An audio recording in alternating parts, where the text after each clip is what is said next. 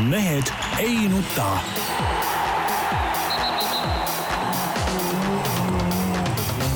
mehed ei nuta. tere teisipäeva, Mehed ei nuta taas kord eetris, Tarmo Paju Delfist pelgalt. jaa, ikka, ikka uhkelt. ütle tere ka. see ei ole üldse tere-tere, see ei ole üldse pelgalt, see on väga uhkelt. Peep Pahv siis Eesti Päevalehest ja Delfist. tervist, veel uhkem.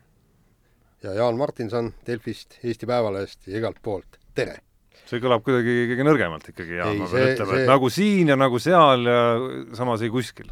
no jaa, aga jõuab, tüüpiline Alturtšik. jõuab siia, jõuab sinna, teeb kõike. igale poole. mitte midagi.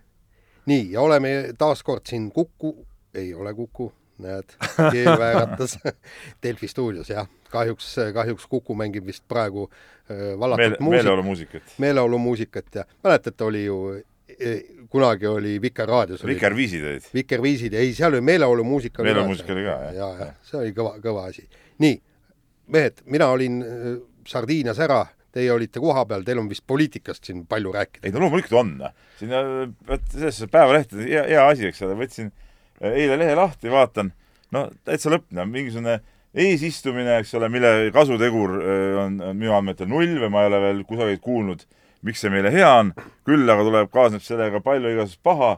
Ja no kõige pahem on see, et et mingisugust Euroopast tulevatele tsinovnikutele tehakse mingid rohelised lained, mina siin alalise põliselanikuna pean kuskil seisma punase tule taga nende pärast, ootama, tekivad linnas ummikud, no mis, mis, mis, mis kuradi jama see on selline, ma ei saa aru, mille jaoks seda kõike vaja on? no aga külalislahked. Ei, mis sulle ka meeldiks, kui sa läheks Soome rallile ja rullitakse roheline laine ei lahti? meeldi. ja ei meeldi ei, või? mina tahan olla meeldib foori taga seista? tava, jaa, tavalises liikluses seal olla, ei ole tarvis sellist asja. no nüüd sa jah ütled seda. ei no ma ütlen, et tegelikult ei ole ju mõtet niisugusel asjal, noh, mis, miks nad peavad mingi rohelise lainega sõitma, miks pannakse seal kultuurikatta ümbert mingid teed kinni, mis julgeolek, no miks suvalised inimesed, mis nad paremad on kui mina? Peebukene, Peebukene, sa, sa oled piisavalt vana, et, et mäletada aegu. mäletad, kui Mihhail Gorbatšov siin Eestis käis, kuskil ikka oleme kaheksakümnendatel? Nõukogude Liidus veel või? no, No, ega ma olen kogu aeg öelnud, Euroopa Liit ja Nõukogude Liit on sisuliselt üks sama no, asi. no aga kuule, kui, kui Moskva parteilastele oli vaja teha punased vaibad ette ja, ja, ja, ja liiklus kinni panna, no see Euroopas ka, no tä... aga see ongi tõestus, et no, et ongi nad ongi samasugused. huvitav, et Peep nüüd vastas niimoodi, et mina, ma olin täitsa kindel, et nüüd ta vastab ikkagi, et, et see oli nagu meie riik, eks ole. Aga Ei. nüüd ei ole, noh. ei no mina olen kogu aeg rääkinud, et üks paha kõik, noh. üks Ei- paha kõik. ei, aga tegelikult vot tõesti, ma aru ei saa, nemad tulevad siia tööd tegema, mina tulen ka tööd tegema, mikspärast siis miks me ei ole võrdsed? see on, see on see tüüpiline noh mingit, demokraatiat nagu ei ole, siis tuleb välja Eestis. no, no see on tüüpiline Orwell, selles kuulsas Euroopa Liidus. jah, see on tüüpiline Orwelli loomade farm, eks. et, et kõik loomad on võrdsed, mõned loomad võrdsemad ja lõvi on kõige võrdsem. Aga kui poliitminutite juurde veel jääda korra, siis siis kas teil ei tekita kuidagi kummastust eilne uudis, et äh, kuigi see oli juba, sahin käis juba varem, et et Mihhail Korb, kes ühel päeval siis äh, sama partei peaministri poolt tagandati äh, äh, ministri koha pealt äh, nii-öelda NATO vastase kommentaari poolt, samal ajal on täiesti okei vend juhtima sedasama erakonda peasekretärina. ei tekitanud. Ei tekitanud aga miks peaks? või? väga veider ju. mis seal veidrat ei no on? kui ta ühte ei sobi, kuidas ta teise saab ei no selle peale, no ta võeti ju valitsusest maha ikkagi valitsuspartnerite survel ju, ei siin muud midagi polnud ju. no aga kui ta nüüd peasekretärina tuleb ja ütleb sama lause uuesti, kas See on siis, kas sees, siis valitsuspartnerid ei, ei vaata imelikult, kuule, kas partei sees mingit demokraatiat ei olegi või? ei, see on teine küsimus üldse, demokraatia ei- või mitte, küsimus on kui ta nüüd peasekretärina kordab sedasama lauset, igal siis inimesel on- võib olla oma arvamus. ja, ja aga siis valitsuspartnerite jaoks on okei okay kõik või? no aga mis Ei, tal ütelda on siis? Kui ma kodus ütlen midagi, kas see sinu kui minu kolleegi ko- seisukohalt on see okei okay või ei ole või mis see sinu asi on? ütleks no ütleme, peasekretär ei ole päris nagu kodus ütleja. Ei, mis ei ole, partei on üks perekond, teine partei on teine perekond, no ja ongi kõik. täpselt sama ei no võrdlus. põhimõtteliselt teeme ikka nägu, et oota, et äh, Tarmo, võta, tee mulle üks nüüd asi selgeks. kui Korb ütleks vastupidi, siis ta ju valetaks. Ei, ja eh, oota, kas, kas siis oleks valetamine oleks parem või? ei, asi pole üldse selles, kas ta räägib tõtt, valet, küsimus on lihtsalt, kuidas ühes kohas ja teises kohas on nagu erinevad standardid. ei no ongi erinevad standardid ju. kuigi No. tegelikult on tegemist noh, ikkagi enam-vähem võrdsete positsioonidega. ei no kuidas ei ole, et kui ma on, kui ma oleks IRL või sots valitsuspartner isegi, sellest aru, siis miks, siis mind peaks see peasekretäri ütlemine samamoodi häirima. Miks valitsus sees ei ole no see on veel teine teema. ei, see ei ole teine teema. et selles suhtes minu arust Ratas, Jüri Ratas, muidu tore mees, aga tead, natuke nagu plähmerdas ära selle üldse korvi mahavõtmisega. nii, aga, aga nüüd kiirelt veel poliitteemade lõpuks see, et, et nagu, nagu ma sain aru, valitsus kas ei eraldanud raha või siis unustas õigel ajal seda raha eraldisest teatamast, aga igal juhul Eesti võrkpallikoondis ei saa äh, MM lõplikku valikturniiri Tallinnas pidada, öeldi, öeldi ära, et, et jah, meil raha ei ole, valitsus appi ei tule ja aga Tarmo arvates on see õige ju. no noh. no sa oled reformimeelne euronoor ju. mäletad, kui Ansip oli peaminister Reformierakond, ütles, et see on totalitaarsete riikide komme oma neid sportlasi toetada. toh, mis ajast ma reformimeelne? kogu aeg oled reformimeelne. euronoor küll, aga no, aga kust see reformimeelsus tuli nüüd? kust see nüüd tuli siis? sa oled EKRE mees või? ei ole. sots või? Ei, ei enam vist ei ole. kes sa oled siis? Polegi kellegi mees ei, aga okei okay Tarmo Tarmoks, aga, aga tegelikult see on jama.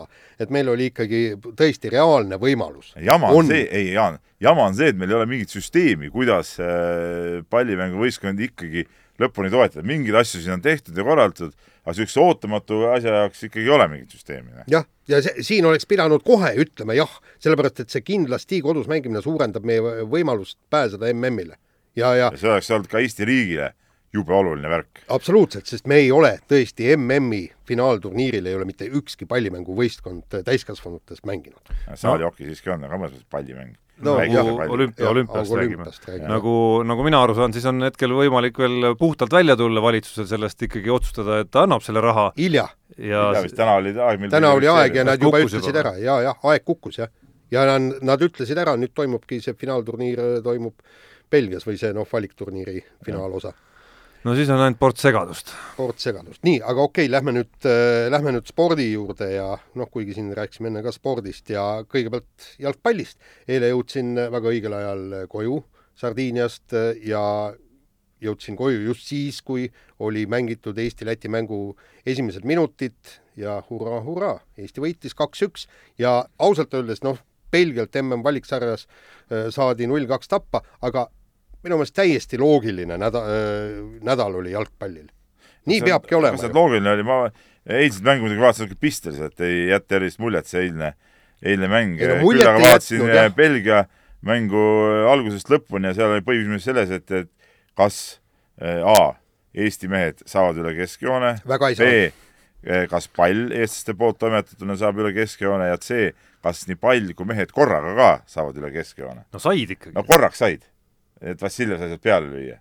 aga sellega, see oli ka kõik. aga kusjuures ma äh, äh, Sardiinias vaatasin seda mängu äh, Sky Spordis striimist ja, ja põhimõtteliselt ingliskeelsete kommentaaridega, no ütleme niimoodi, Ak-, Mihkel Aksalu, meie väravaht, sai meeletult kiita aga no ta lasi esimese värava, tõmbas ise tolmuimejaga sisse, mida pärast võis teha seal miljon tõrjet ja kasu ei ole siis mitte oota, midagi. Peep, räägime sellest natuke hiljem, aga seal põhimõtteliselt anti mõista, et ikka Eesti koondis on ikka üsna mõttetu. ja just täpselt seal öeldigi, et eestlastel on üliraske pääseda palliga vastaste poolele no aga Eesti koondis äh, kõiki objektiivseid asjaolusid arvestades Belgia-suguse vastase vastu, noh, ongi väga mannetu. no ongi, ei no see oligi mängutaktika, Jaan. ega nad ei tahtnudki väga sinna üle keskjoone minna, nende asi oli no, seista me eelmine kord nägime, mis juhtus, kui ja. nad hakkasid üritama üle keskjoone minna, nii et nii pall, mehed kui ka kõik jõuavad sinna teisele poole, siis me nägime, mis juhtus.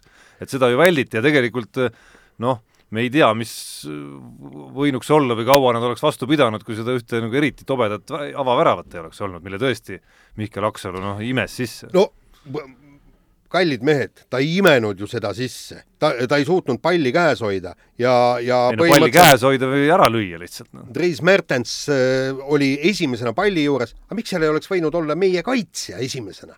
mida see kaitsja seda ka aga kõik ja, arvasid, et et küll äh, Aksalu selle ära likvideerib olukorda. aga, aga ärge valage kogu süüd Aksalu kaela, sest tegelikult kogu mängu parimaks ta ju valiti, vähemalt meie fännide ja, poolt ja ta tegi tegelikult, no aga ei saa, kui sul rünnatakse väravat, sul tehakse niivõrd palju pealelööke, kuskilt maalt ikkagi lipsab läbi. me, me, mis me tahame, et ta oleks täielik raudmees või? no absoluutselt. sa ei taha? sa ei taha? ei no tahame küll, aga see isegi Poomil ei õnnestunud, see mäletate mängu? Kaks tuhat kaks vist oli see Belgiaga, täpselt samamoodi imes selle värava sisse, noh, ei suutnud palli kätte saada ja sööt värava alla kohe, koll tuli sealt. jah, no lihtsalt seda eksimisruumi meil ei ole, kui me tõesti tahame mingit null-nulli ja aga sellepärast ongi see. Tarmo, et me Belgia vastu nagunii viigipunkti kätte ei saa, et see oli isegi vähe löödi ja selles suhtes noh, las ta olla siis. aga, aga muidugi see Artjom Dmitrijevi äh, hulluks minek, see ei, mis hulluks, mis hulluks? kuule, vanas, ma siin oma jalgpalli nende poistega vaidlesin. Tegelikult seal ei olnud ju midagi, et vanasti oli niisugune reegel ju, Jaan, sina peaks mäletama seda, kui sa enne puudutad palli, võid läbi jalgade ka lüüa, mitte midagi ei ole. ja tegelikult ta ju puudutas ka ennem palli. no fakt on see, et mees eemaldati. see uus reegel on tegelikult totter no.. aga, aga isegi selle uue reegli valguses vaatasin seda olukorda mitu korda üle no ma sain, ta oli nii hullusti ka sisse sõita, et sa punaseks pidanud otsa andma. võib-olla no kollane heal juhul. no ütleme niimoodi, et, et oli õnn, et ta hullult sisse ei sõitnud, oleks võinud väga hästi venna põlve ka ära murda seal. Tead, need põlvepehti küll ei sõitnud. ei no, alt lööd jala ära ja põlv väändub, ristatid lähevad, noh aga noh, sõprusmängudes me oleme kõvad, nii palju saab äh, taaskord öelda, et vähemalt Läti võõral väljakul saadi kätte üle pika aja, nagu näha äh,. Horvaatiat oleme ka võitnud siin üsna värskelt oleme sõprusmängude sats. sõprusmängud ei anna mingit äh, nagu tulemust. no ütleme, sõprusmäng Lätiga on vähe nagu kõvem tera võib-olla kui sõprusmäng Horvaatiaga, selles mõttes, et see on nagu tõsisem kui, kui keskmine sõprusmäng. see Läti mäng ei olnud nagu suur mäng nagu, see nagu ei, ei, no seal... ei tundunud küll kuskilt otsast nagu suure mänguna. no Läti jalkas üldse tundub, et noh, ei olegi väga suured ajad, selles mõttes, et tribüünil ei olnud ka inimesi ikkagi eriti no, palju. mis sa seal ikka vaatad, sest noh, alles nad olid Portugaliga mänginud ja Portugali käest tappa saanud nii, aga läheme räägime natukene võrkpallikoondisest ka, ehk siis võrkpallikoondis oma äh, nii-öelda teekonna maailmaliiga alagrupis läbis auga, jõudis finaalturniirile ja nüüd siis, äh, nagu sellel suvel mänge vähe veel oleks, tuleb veel Mehhikosse ka sõita kaheks mänguks. no tead, see võrkpallurite suvine hooaeg on ikka käsitlematu tegelikult, neil ju vaba hetke sisuliselt ei olegi ja kogu aeg võtavad endale nagu mänge juurde, nüüd see Mehhiko, eks ole, siis see MM-i veel üks valikturniir. jah, nüüd ei saa kodus ka mängida seda. ei saa kodus ka mängida, et kogu aeg tuleb sõita ja ja ütleme, see Mehhiko tuleb ju kohe peale, see on ju see nädal, nüüd nad kohe sõidavad ju minema, homme vist. ja, ja, ja mängivad ja tegelikult vaadates nüüd kellega, poolfinaal Mehhiko endaga ja, ja siis teiselt poolt on seal Saksamaa ja Hispaania ja Hispaania ja Saksamaa mängib teadupärast, ei mängi tugevamais koosseisus seal. hea võimalus ära võita see asi no jaa, kasu pole midagi, sest maailma liiga tõmmatakse kokku. no ei tea, kas seda, seda vist väga selgelt ei tea keegi, aga noh, vist ikka tõmmatakse. Pisut, pisut pelglik ma oleks muidugi selle, selle poolfinaali suhtes, et see tundub kuidagi kõikide jaoks juba selline, et oh, mis see Mehhiko siis ära ei ole, aga, aga juba see reisifaktor, ma arvan, on päris suur seal, kui sa Mehhikoga mängima hakkad. ei no eks see faktor on suur muidugi, aga no ütleme, vaadates, kuidas Eesti koondis on mänginud, siis eh, ma arvan, pigem Eesti on ikka soosik selles mängus nojah, ja uhke oleks, kui, kui tõesti võidad kolmanda divisjoni ära.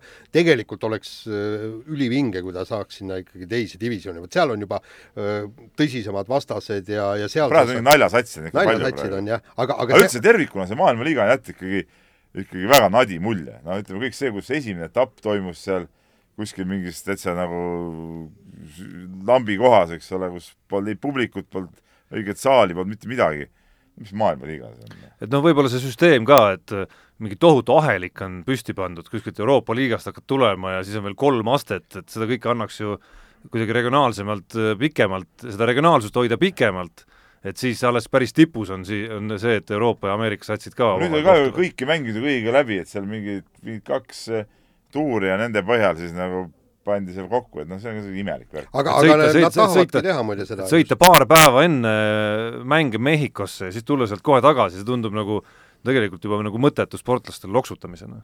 ja kolm satsi peavad seda ette võtma. jah aga, aga nad tahavadki ju, sellepärast tahavadki vist ilmselt maailmaliigat nagu kokku tõmmata, et maailmaliiga oleks tõesti üks nagu suur tõsine liiga ja ülejäänud oleks regionaalsed liigad, eks noh, mis tähendab, et, et Euroopa liiga muutub ka väga tõsiseks ja noh, tähendab, me, meil on tähtis see, et me saaksime väga tugevate meeskondadega mängida. jah, minu arust ei ole ka mingit vahet, on ta Euroopa liiga või maailmaliiga, oluline see, mis vastased seal on.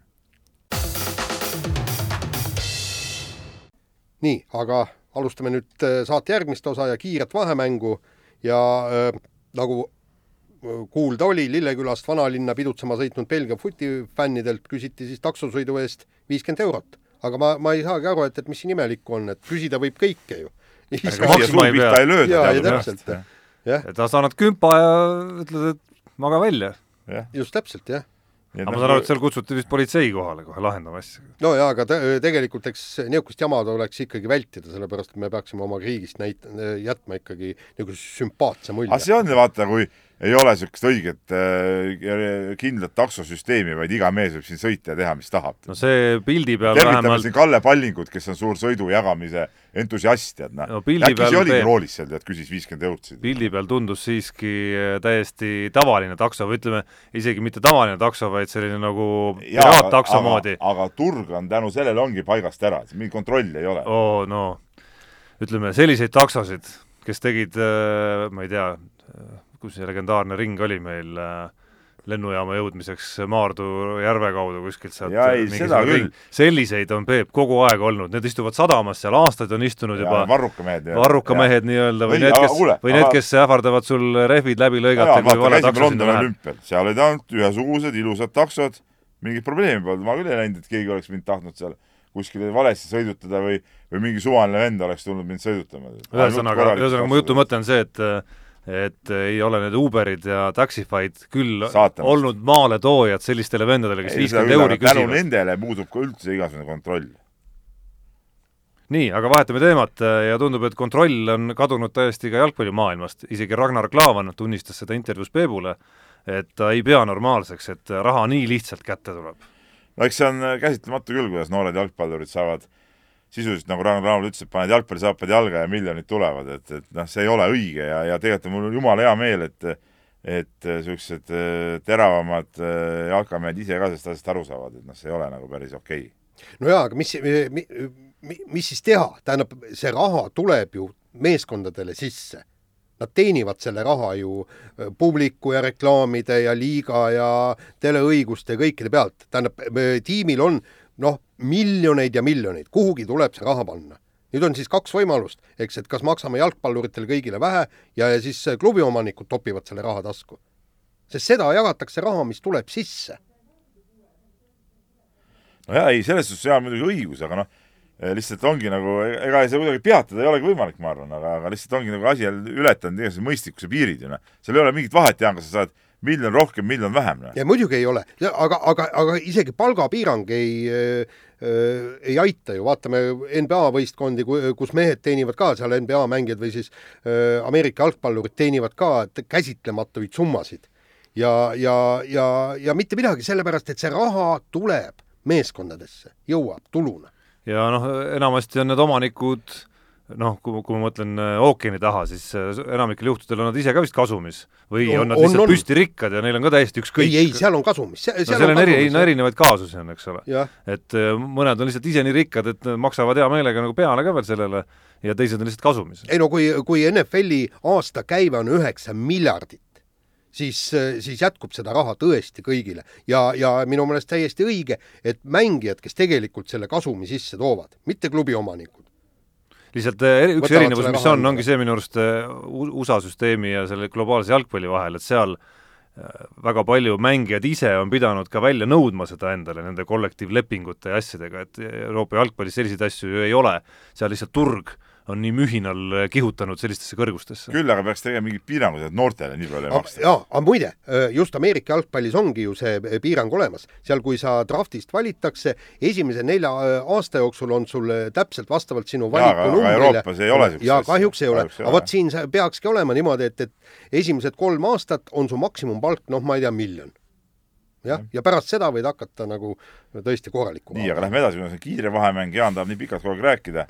Ja eh, esmaspäeval siis või ehk siis eile oli põhjust eh, pidutseda Aivar Kuusmaal, Aivar Kuusmaa viiskümmend, vana viskekahur, ütleme mehe sünnipäeva puhul sai vaadatud ka Youtube'ist eh, videot, kuidas ta Ateena Panathinaikose särgis seal ühe ilusa viimase sekundi korvi pani ja ütleme, mees on pakkunud no mina mäletan tema karjääri sellest ajast saadik, kui ta tuli nagu üldse pildide ja kuni lõpuni välja, nii et ta on pakkunud ägedaid hetki küll, nii et vägev, Aivar, vägev. jah, ma ei teagi, kas rõõmustada või kurvastada, aga, aga Aivar Kuusmaa viiekümnenda juubeliga algab ju ajastu, kus neid viiekümnendaid juubeleid hakkab roburada pidi päris palju tulema.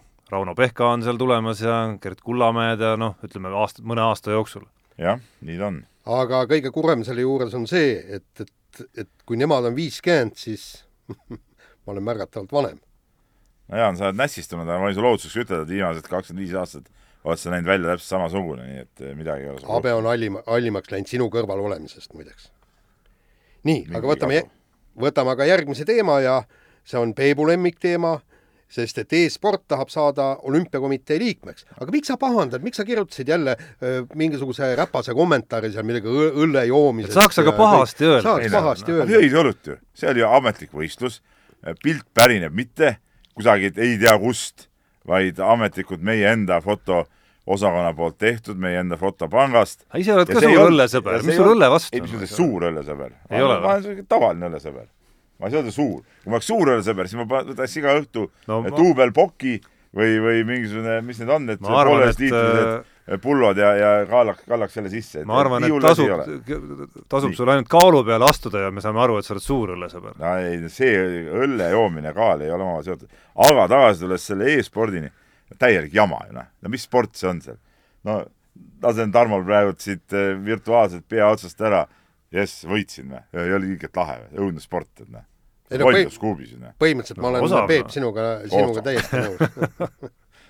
et, et jah, ega, ega isegi mina pean ütlema, ega ma ei ole kindel, et nad peavad tingimata olümpiakomitee liikmed Mängige selles mõttes, ette, et tahavad, noh. et see, ja ma ei ole kindel, miks nad seda vajavad nii väga üldse, kuigi teisalt võib-olla olümpiakomiteel oleks vaja, et, et olümpiast ka paarikümne aasta taga pärast keegi hooliks, et äh, alad ja tegevused. Jaan, sa kujutad ette, lähme et alad ja tegevused, millega noored seal tegelikult on terve kari tegelevad, neid kottpükste alasid ja siis haarav reportaaž sellest, kuidas kellelgi soolikaid välja lastakse no. Virtuaalselt. ja noh, see on, see on, see on äge olümpia. Kusjuures- siis kindlasti tahaks olla spordiaeg, siis kindlasti tahaks teha jätkuvalt seda saadet ja nii edasi, oleks millest rääkida. tere, tere hommikut. ära ütle, Peep, midagi siin, võib-olla see seisab sulle ees tulevikus veel. kuule ma, mul on kaks kätt otsas, ma ei pea tegelema asjadega, mis on eh, debiilsed. no ma olen näinud, Jaan on küll selle aja jooksul, kurtis siin oma kõrge vanuse üle, näidanud äh, silmapaistvat kohastumisvõimet ikkagi ja kohandumisvõimet ei, üles. ei, ei. kottpükste ja kõigiga on ta sinasõbraks saanud, ma arvan, et Jaa,, aga- et ka nendega ei teki aga tead tead selle arvutimänguga, seal tekib üksainuke probleem. ma ei saa muhvigi sellest aru, sellepärast ma tõesti ei mängi arvutimänge, ma ei ole ühtegi tulistamismängu, ma ei ole ei Doomi ega mitte midagi elu sees mänginud ja ma lihtsalt ei saa aru, mis seal toimub. no ma ei tea, see ei ole sind mitmes kohas seganud samas. aga kiire vahemängu lõpetuseks, ma ei teagi nüüd, kas tervitada või mitte, Peep kindlasti mitte, Tarmo Rüütli otsustas siirduda poliitikasse, et lõpetada Keskerakonna võim Tallinnas ja liitus sotsidega. ei, kõik on õige, Tarmo Rüütli poliitikasse väga hea. no mis sa, mis, mis kurat sinna sotside juurde ronisid, noh. Sotsid on ju saatanast ja tegelikult noh, nemad toovadki seda kõike seda, seda halba osa nagu, mis meil on siin, tead noh. küll neil on vaja siin seda, teist, mingi kõik võrdsed, mis nüüd täna tuli ju, sots tuli välja selle ideega, et valimisnimekirjas mehed-naised üle ühe ja võrdselt pooleks, lollus kuubis ju noh kuule, mehed on ikka tugevam pool, mehi peab olema rohkem, mõni üksik naine võib sinna vahele mahtuda. ei, Peep, mina nii ei ei ütleks no minu arust võib nüüd olla täpselt nii, nagu parasjagu jõuvahekord on. no ei ei, ei noh, ma ütlen mitte füüsilise jõu noh.. näe, siin saates ka ei ole ühtegi naist. ei, kuule, aga, üks istub seal stuudio nurgas. kuule, aga varsti ongi teeb niimoodi, noh. kuule, var-, varsti ongi niimoodi, et, et meil ongi jama, et me ei saagi selle saadet ei teha, sellepärast et esiteks mehed ei nuta ja teiseks on on- pool teiseks nõutakse, ma Tarmo arvan, Rüütli et tuleb, tuleb, tuleb siia ja ütleb, et nii, mina olen sots ja ütlen, et ei tohi niimoodi seda saadet teha. ja kusjuures eh, mitte ei öelda, Pole et võrdõiguslik. ja mitte ei öelda, et üks peab olema, vaid öeldakse, et pool peab olema. jah, et siis ongi, tähendab niimoodi, et aga Jaan peab seda transvestiidiks hakkama või? et siis on nagu üks mees. Üks tuleb välja vahetada. välja vahetada siis Jaan, Jaan on, kannab naiste riideid. jah, täpselt, nii saab lahendada küll. nii saab lahendada küll. no väga hea. nii, aga nüüd siis äh, saate jällegi järgmine osa ja kirjad, Peep, sul üht-teist ilmselt kirju on, jah? üht-teist on ja, ja alustame kõige lühema, samas kõige huvitavama kirjaga. Ene Remmelkoor kirjutab. Kas olete mingi ansambel kolmekesi? absoluutselt. mis te, mis me oskame selle peale kosta? no ma Jaan, mis pilli mängid? no põhimõtteliselt ma plönnin kitarri mingil määral, mandoliini ja kõik, ei, no tähendab, mida, midagi ma, mingisuguse meloodia ma välja võluksin häda korral kuidagimoodi. Tarmo, no kui mina tulin äh, Arukülast linna gümnaasiumisse, siis muusikaõpetaja väitis ootamatult, et ma pean pisut viisi. ehk siis ma usun, et ma kannan oma rolli välja küll. kuule, aga Peep, sa mängid trummid ära, kuule, kui Savisaar juba mängis trumme. ei muidugi, ei no mul, rütmitunne on väga hea. ja muuseas, kui te mäletate sellesse eh, legendaarses, ma rõhutaksin, aastalõpu saates, mis me kunagi tegime. No mis tuleb kordamisele see aasta, mis, ma arvan. mis ma arvan, me see aasta teeme ka. seal ma ju laulsin ju ka ju. vaat seal lõpu eel ja ma mäletan, et ma pidin katkestama üsna kiiresti selle head uut aastat laulu, tead, see Marju Läniku laul. Marju Läniku häälega laulsin täitsa. jah, nii et ühesõnaga me bändi paneksime kokku. paneme kokku küll. nii, aga Viktor Vihmavari kirjutab meile ja, ja kõigepealt ta siin, ta soovib edu Eesti võrkpallikoondisele, aga nüüd saavad võrkpallurid ka natuke kuuma ja, ja täitsa õigustatult. ta kirjutab siis, olete kritiseerinud jalgpallurite rullimist väljakul, aga kuidas suhtuda võrkpallis toimuvasse? praktiliselt iga punkti püüta, iga punkti järel püütakse kohtunikku petta. et äh, põhimõtteliselt asi on selles, võrgumehed tõstavad siis, läheb pall siis out'i või sisse, mõlemad meeskonnad tõstavad käe üles, nagu oleks punkt nende oma. et, et äh, põhim-, põhimõtteliselt terve mäng ongi üles ehitatud kohtuniku petmisele ja, ja fair play lippu seal kõrgel ei hoita. vastab ma... tõele tegelikult ju. ei no kus ta siis vastab sama, tõele? sama totrus on ka jalgpalluritel ju, kogu aeg on see, kui on upside, eks ole, siis on kõigil käed püsti või ja. teed mingi vea, siis käsi püsti, midagi ei ole olnud, tead noh. ma küll olen näinud näiteks, et hokimehed seal tõstaksid mingit kätt püsti, kui, kui öö, äh, oled mingi vea teinud. ei, aga äh, Peep, vaata, sa võrkpallis ründad teisel pool võrku, lööd selle palli ja sina näed, et see läks ju sisse ja hurraa, jee, viskad käed püsti ja kõik ja siis selgub, et oli meeter väljas. ah? kaitse pool näeb kogu aeg valesti. ei no mõlemad näevad seda, mida nad näha tahavad, eks. ei no Kossus saaks ka teha ju, Kossus saaks ka teha silmamoondust, Kossus on nii. ei no viskad mööda, aga siis näpud püsti. siis paned. ja kohtunik üldse ei vaata, kas läheb sisse või mitte. ta vaatab sind. jah, vaatab sind ja lööb ka selle peale. fännid peavad ka kaasa mängima, vaata. kodufännid näiteks. absoluutselt, noh. ei taba, aga ikkagi juubeldavad ja kohtunik laseb ära petta ennast. nojah, nii on nii, ma otsisin vahepeal, ma võin öelda, ma otsisin nüüd välja selle koha ka, ma ei tea, kas see mikrofoni kuuleb. Peep siin reklaamis oma seda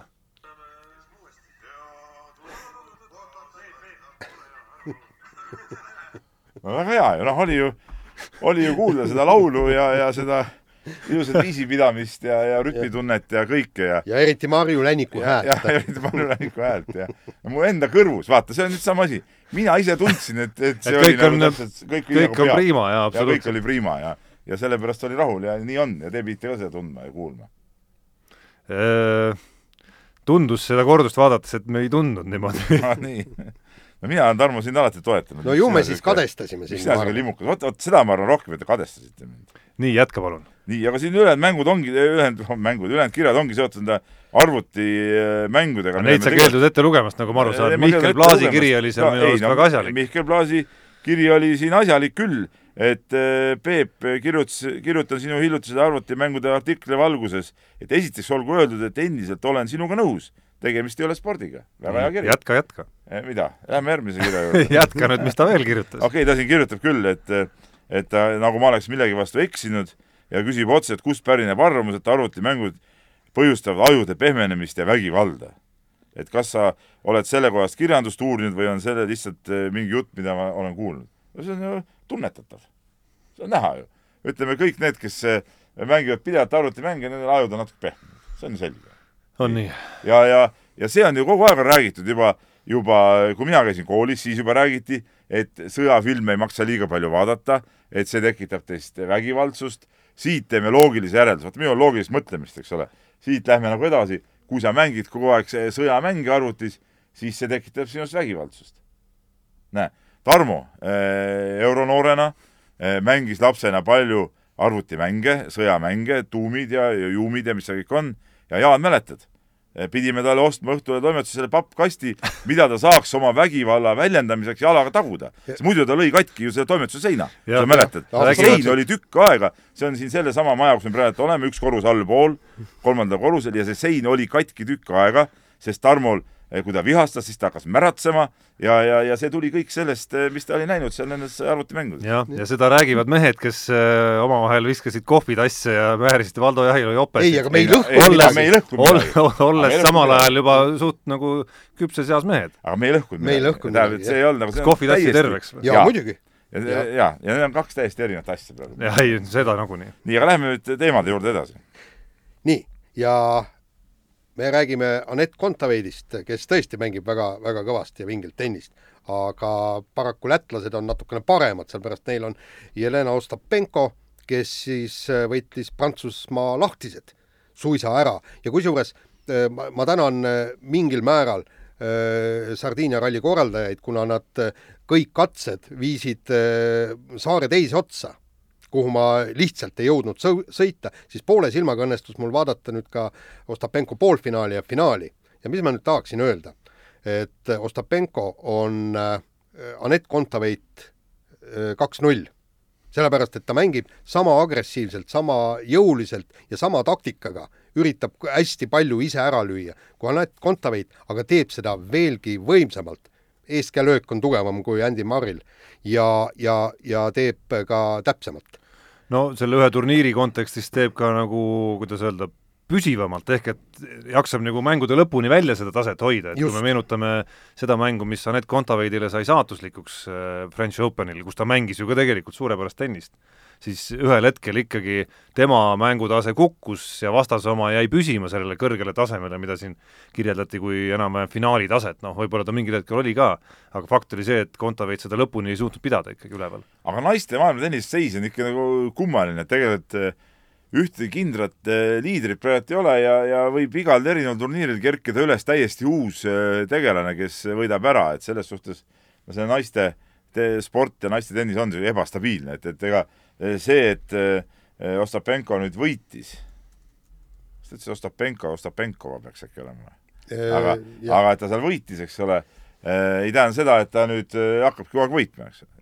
järgmine turniir võib olla täitsa järgmine ülejärgmine turniir jälle järgmine ja nii on, et, et selles suhtes on võib-olla see naiste tennis on isegi nagu põnevam või huvitavam vaadata ja see annab ka Anett Kontaveidile võimaluse, just seesama Ostapenko näide, näide ka, et tegelikult äh, heal, kui sul õnnestub kõik, ütleme, loos on soodne, head vastased, ise oled kõva võib, võib täitsa vabalt äh, mõnel suurel turniiril ka Kontaveit olla finaalis ja, ja miks ka mitte ka võita. aga äh, kusjuures, mis on kogu selles Ostapenkos ja Kontaveidis on positiivset, ma kuulasin äh, taaskord ingliskeelset kommentaari, kus tõesti tenniseeksperdid rääkisid seda asja lahti ja nad ütlevad, et see Ostapenko mäng ongi naiste tennise tulevik mis tähendab seda jõuline, agressiivne ja mäng käib mitte kaitsele, vaid äralöökidele ja, ja just täpselt see, mida mängib ka äh, Kontaveit ja, ja, ja tegelikult nüüd äh, pannakse niisugused äh, tagasihoidlikumad vastased tõsise probleemi ette. teist servi lihtsalt lüüakse ja lüüakse ära.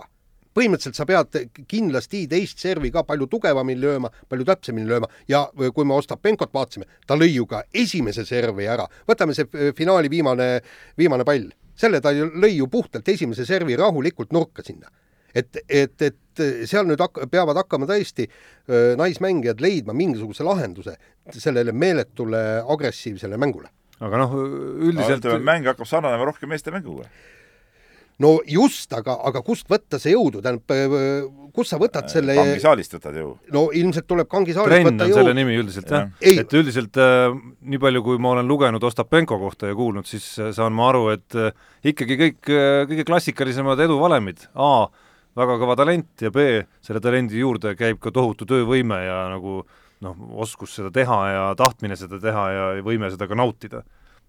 Ei, ei rohkem ühtegi nippi. ja, ja sügavalt loodaksin, et, et äh, mõnes finaalis, kas see aasta, järgmine aasta, ülejärgmine aasta, Kontaveit ja Ostapenko kui kaks maailma parimat tennisisti kohtuksid. no ma lihtsalt äh, remargi korras meenutan, et Lätil on äh, kahekümne parema hulgas veel teine tennisist ka, nii et et seda kadedamaks on võimalik eestlasi sellega ajada. aga vahetame teemat ja tundub, et peame kiitma meie korvpalli vanameistreid, kes on ikkagi otsustanud vähemalt üheks suveks veel tulla ikkagi Eesti koondist aitama, Kristjan Kangur, Gregor Arbet, Janar Talts, ka Reinar Hallik, kes äh, teatas juba kevadel, et tema korvpallurikarjäär on läbi, kõik on vähemalt hetkeseisuga, kui tervis nüüd mingeid viperusi ette ei too, lasknud ennast lülitada koondislaste nimekirja.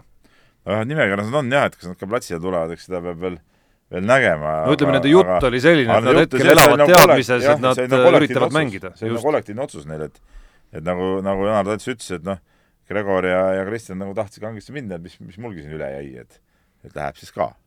no aga mehed, tehke mulle nüüd palun selgeks, kas äh, Talts, kui me vaats- äh,, vaatame, millist mängu ta nüüd äh, Eesti liigas mängis, ja Kangur kes äh, Itaalia liigas ka, no ütleme niimoodi, et, et ma olen kuulnud, et, et meeskond temaga jätkata ei taha. kas nad oluliselt tugevdavad meie meeskonda? väga, see on väga valus küsimus, Jaan, sest tegelikult me praegu, ei nad tugevdavad küll, aga me karjume hurraa, hurraa, need mehed tulevad, aga see tähendab seda, et meie koondise, ütleme, tuumik koosneb mingist kolmekümne viie aastastest, ütleme, veteransportlastest ja see ei ole hea tegelikult. see on selge, et see ei ole hea ja, ja, ja ütleme, meie korvpalli hetkeseisust see nagu väga positiivset pilti ei jäta kahjuks. no mina aga näen noh, me teadsime seda, et, et see olukord selline on, et selles suhtes midagi üllatavat ei ole ja see aeg tuleb üle elada, oleme sellest korduvalt rääkinud, aga, aga lihtsalt on kahju, et me nagu elame ikkagi eh, tõesti nagu veteransportlaste turjal. no ma näeksin seda, näeksingi seda lihtsalt või näengi seda lihtsalt sellise nagu ühe viimase venitusena veel, et elame selle suve kuidagi üle, kannatame selle selles mõttes ära, et järgmine suvi ka veel midagi paremaks ei lähe. ei no nüüd läheb tsükkel lihtsalt teistsuguseks natukene, et nüüd on, see annab nagu kaks aastat armuaega juurde tegelikult. kuigi ma ei, me ei tea, mis sellest uuest süsteemist, kus hakatakse mängima talvel, mis sellest tegelikult saab. aga lõpuks Eestil on kõige parem võimalus, me, kuna meil ühtegi NBA meest ei ole, Euroliiga meest ei ole. tippmängijat pole, et siis me olemegi nagu täies koosseisus kogu aeg, erinevalt kõikidest jah, aga samas mõelge ise, kui tõesti läheb nii, et, et see kana kitkumine jätkub ja nii Euroliiga kui NBA mehed nagunii ei saa koondiste juurde tulla, sellest saab sündima üks päris paroodia, absurdne valikturniir. paroodia. nii, aga veel eh, ploki lõpetuseks tervitame Magnus Kirti, kes on eh, odaviskes saavutanud eh, erakordse stabiilsuse ja, ja, ja väga heal tasemel stabiilsuse, et kaheksakümmend kolm meetrit, viimati juba kaheksakümmend neli meetrit Valmieras on mehel kogu aeg käe sees, igal võistlusel, mehel pole olnud see hooaeg, ta vist on teinud, kui ma nüüd ei eksi, kuus võistlust ja ühelgi võistlusel pole olnud tulemus alla kaheksakümne meetri, väga tubli. Peep, aga kui me vaatame praegust äh, odaviske taset, praegu on piir ikkagi üheksakümne meetri peal, vaata kui palju ikkagi tippude piir, tähendab võistlus võistluse järel. mitu korda see hooaeg on visatud üle üheksakümne meetri, Jaan, ütle mulle sa ütled, piir on seal. no kindlasti ma ei oska sulle praegu statistiliselt täpselt öelda, aga, aga see, seda ikkagi visatakse, tähendab, mäng käib üheksakümne meetri joonel. ma ei tea, Tarmo, sul on vist arvuti ees, ma võin eksida, aga ma pakun välja, kas on kaks meest visanud üheksakümmend meetrit see hooaeg või? mõlemad saksa poisid äkki? Peep, kuule, mäng käib üheksakümne meetri joone ümbruses. seda küll, aga ütleme, sealsamal Teemantliiga no etapil, üks, kui täpne olla, üks mees, aga kaks korda, Toomas Rööver. kaks korda, jah. aga noh, selles mõttes noh, Jaani jutu mõte, mõte jääb nii momentil meeldib vist kaheksakümmend üheksa. jaa, Vetter kaheksakümmend üheksa, kuuskümmend kaheksa, et ja siis veel Hoffmann kaheksakümmend kaheksa, seitsekümmend üheksa, et aga see no, ei ole mingi eritulemus, see kaheksakümmend kaheksa. aga noh, ma arvan, et Kirdi sihikul, ma olen tema jutust ka aru saanud, ongi, ongi need järgmised numbrid seal. no ta on kaheksakümmend kuus visanud oma elus, eks ole. no just, see Eesti rekord, ma arvan, võiks olla kindlasti selle hooaja eesmärk Teemantliiga etapil Kirt ilusti kuues koht, kui ma mäletan. või viies või kuues koht. kuues. jah, mis siis on siis paha või? no ütleme niimoodi, kolmas oleks parem. teine veel parem. esikoht oleks veel parem, Jaan. no just, täpselt, seda minagi. ja siis viimane teema ja räägime MM-rallist Sardiinias. Ott Tänak võttis elu esimese rallivõidu ja noh, olgem ausad, ma olin ise kohapeal ja, ja vaatasin seda ta oli ikka, ikka ääretult tagasihoidlik sell, eks, et alles siis, kui ta sinna lõpuks vette hüppas, siis ta tõesti avanes, et näitas, kui, kui, kui suur rõõm tegelikult see rallivõit oli, aga aga muidu proovis ikkagi olla hästi põhjamaiselt karge ja kuigi minu no. arust ta nagu väga hästi ikka ei suutnud varjata ei, seda, väga, seda no, selle olulisust algusest peale, esiteks ikka see noh, tema puhul juba nagu kergemgi naeratus annab, reedab natukene ära selle nagu liigutuse tema sees. teiseks ikkagi see viimase katse tempo minu arust viitas, kui oluline see on ja see kommentaar sealjuures ka, kuidas enne Poolat on vaja see nii-öelda ingliskeelsem väljend, nii-öelda ahva oma õla pealt maha saada, eks ole yeah.. et need viitasid sellele minu arust, kui, kui noh, kui rahul ja õnnelik ta tegelikult oli. ei no loomulikult oli seda võitu vaja ja ta läks selle peale välja ja ega, ega seda Ott ei olegi püüdnud varjata, et see võit ei ole tähtis, küsimus lihtsalt see emotsiooni näitamises ja ja, ja minu arust ta näitas isegi hästi välja, talus ka eile muuseas väga hästi seda pidulikku vastuvõttu, mis tema iseloomule vastavalt ei olnud võib-olla päris kõige, pikalt istusid seal, ma vaatasin Martin Järveojaga. ja, ja mis ikka, noh, on nii siis on, kuulasid seal eh, klassikatähtede lõõritusi ja, ja vastasid küsimustele ja ja nii oli, et, et kannatas ära küll. aga eh, mis me nüüd räägime tema olukorrast, mis on nagu olulisem, ongi see, et tegelikult tema on ikkagi üks neljast, kes on praegult veel jäänud äh, maailmameistritiitli konkurentsi. ja öö, mis ma selle võidu puhul veel öelda tahan, on, on see tõesti noh, kas ahv õlalt maha või, või siis kivi südamelt või, või ütle, ütle kuidas Tarmo tuleb jälle oma mingi Ei, ei. jälle, jälle euronoole Ei, ei. mingite väljenditega. las ta olla. ei ikka ma ütlen, seda peab ära rõhutada ei saa niimoodi hästi, Peep. jah, aga, aga, aga sa äh, saad aru, et, et tähendab, sa tead, et sa oled võimeline seda rallit võitma. sa, sa, sa tead, sa oled piisavalt kiire.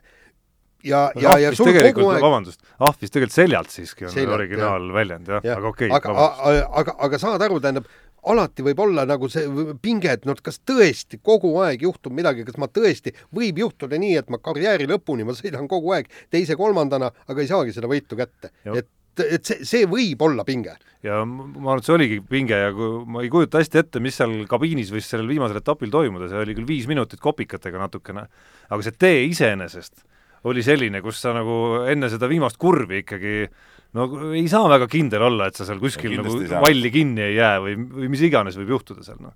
ja see varu oli ikkagi kahanes ju lõpuks pea kümnele sekundile. ei no aga varu oli piisav.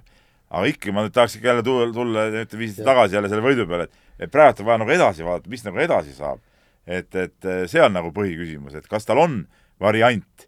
tegelikult vahed ei ole ju väga suured ju, arvestades seda, et praegu on nii-öelda kolmkümmend punkti on ju laual ühe ralliga ja võimalik, võtta. ja kolmkümmend kolm on ja kolm, praegu kolm on vahet Ožeeriga Ja 15 ainult, viisteist äh, Neuvilliga ja üks siis ühega edestab siis Latvalt, et need neli meest ongi nagu suures mängus ikkagi, ma, ma pakun, et sealt tagantpoolt enam keegi ettepoole tõusta ei ei no jõua. iseenesest võib ju väga lihtsalt arvutada, kaks järgmist rallit, Tänak esimene, Neville teine, Ogier kolmas, enam-vähem ühe joone peal pärast kahte rallit. aga noh, nii lihtne see praktikas Ja, muidugi ei ole päris. nii lihtne see ei ole, jah. aga, aga muidugi ma äh, ja eriti Soomes ma Latvala faktorit tahaks rõhutada. no Jah. seda parem, kui Latvala ka sekkub sinna mängu veel, siis segab parem on, vastupidi, see teeb veel tihedamalt. parem no, oleks, kui Latvala jääks maha. No praegu on vahe üks punkt ainult. me räägime praegu selles kontekstis, kus me võrdleme ennast Ogier ja tema püüdmisega juba. aga öö, noh, eks ma loen ka natukene nende a- artiklite juures olevaid kommentaare, sellepärast et sealt on öö, võimalik ka päris asjalikku infot hankida ja, ja mõned kommentaarid on tä- täiesti asjalikud ja palun just kommentaatoritele, ärge plõksige niisama, tõesti kirjutage midagi asjalikku sinna. ja öö, mis natukene häirib, on see, et kõik, räägivad, et no mis te nüüd sellest Otist, mis mõttes ta on nüüd maailmameistrivõistluste võitja, pretendent või nii aga ta, ta ju tegelikult ongi, täpselt see, nagu me kas eelmises saates rääkisime, ta ongi praegu vähemalt kruusarallidel alati võitja, üks võitja soosikutest. Kui mitte esimene, siis Absoluutselt. üks kindlasti. Poolas on ta nüüd täitsa esimene soosik. jah, Ja- aga noh, ärme ja- unusta, et ta on ikkagi seal piiri peal selles konkurentsis, et äh, tema ei saa endale kuskilt mingisugust nagu suurt ei viperust aga lubada selles sealt neljanda seisus. mehe tagant tuleb. absoluutselt, aga noh, need äh, nii Tänak kui Latvala on seal sellised, kes väga ei saa nagu eksimusi lubada endale enam. ei, seda nüüd küll, aga ta on rallit ja, jah, ja kindlasti ei ole väga palju, kusjuures üle poole hooajast on läbi. kuus rallit ma räägin on lõpuni. et kõik need neli meest kuue ralli jooksul kindlasti veel korra vähemalt eksivad, see on nagu, see on nagu selge. palju eksimus maksab, see on omaette küsimus. vot selles point ongi, et äh, Neville ja Ogier võivad endale ühe eksimuse rohkem lubada kui Latvala ja Tänak. aga see on huvitav, Neuvill on lubanud endale üldse kaks eksimust juba. Neuvillil on kaks barankat tegelikult tabelis ja ta on ikka teine niisuguse vahega. et, et see on nagu tegelikult näitab ära, ma, mina ütlen, ma olen seda varem siin, ma ei mäleta, kas ma ütlesin mõnes siin saates või rallistuudios, mina pean tegelikult tõsiselt rääkides Neuvilli selle hooaja nüüd praegu, et kuus etappi enne lõppu, kõige suuremaks tiitlisoosikuks. ja nagu siin lihtne pilk tabelil ütleb, et ta on ülekaalukalt kõige rohkem ju viimase katse punkte noppinud, kolm korda on võitnud selle lausa, seitsmest. ja ei, põhimõtteliselt ta on ja, ja Hyundai on, on väga hea ja väga kiire auto, väga ei lagune ka. ainukene nüüd ongi tõesti, et, et kuidas Neuvill suudab omadega toime tulla, kuigi lagunes nüüd tegelikult ega see Neuvilli kas võit või siis kõrgem koht läkski ju selle nahka, et ühel katsel kadusid pidurid ära, ta kaotas üle ühe minuti. kakskümmend viis üksteist on äh, selle viimase katse nii-öelda special punktid äh, Neville versus Tänak. no jaa, aga ütleme nii, ütleme nüüd niimoodi, et, et Tänak tõesti vähemalt see ei, siial ta tegi õigesti, ma olen Si- täitsa kindel, et ta viimasel etapil tegi õigesti. Muide, ta- et ma- ta läks kindlustama seda, see kahju, mille ta oleks võinud tekitada, kui seal oleks tulnud mingi jama, nagu psühholoogiliselt ma arvan, ma arvan, et see oleks tema karjäärile võinud olla päris valus põnts. aga kusjuures nüüd ta ju ütles ka, et, et järgmistel rallidel ta läheb kindlasti suuri punkte saama ka viimaselt katselt. nii, aga sellega on seks korraks meil saade lõppenud, kuulake meid täpselt nädala pärast kes tahab veel Peebu laulu häält kuulda, siis äh, Youtube'i Mehed ei nuta aasta lõpp seal päris lõputiitrite eel saate seda nautida, kirjutada meile, kas äh, kuidas meeldis, Jah, meeldis ja- või ja mitte, muide- et Peep saab mingit tagasisidet ka, et ta ei ela ainult selles nagu teadmises, mis talle endale tundub. ja, ja, ja pange endal mobiili helinaks ka see. kindlasti on äge. jah, ja, ja, ja meie saade on siis äh, järelkuulatav äh, oh, nii paljudes kohtades, et kõige lihtsam on alati minna Delfi kaldkriips Mehed ei nuta, aga SoundCloudis, iTunesis, Stitcheris, TuneInis mis asjad need on? meestel Peep, jookseb või? kokku juba minema, loomulikult- ja edasi. loomulikult äh, video kujul siis ka Delfi TV-s ja Delfi spordi avalehel saab ta olema, nii et äh, kohti on. kohtumiseni! kohtumiseni. mehed ei nuta.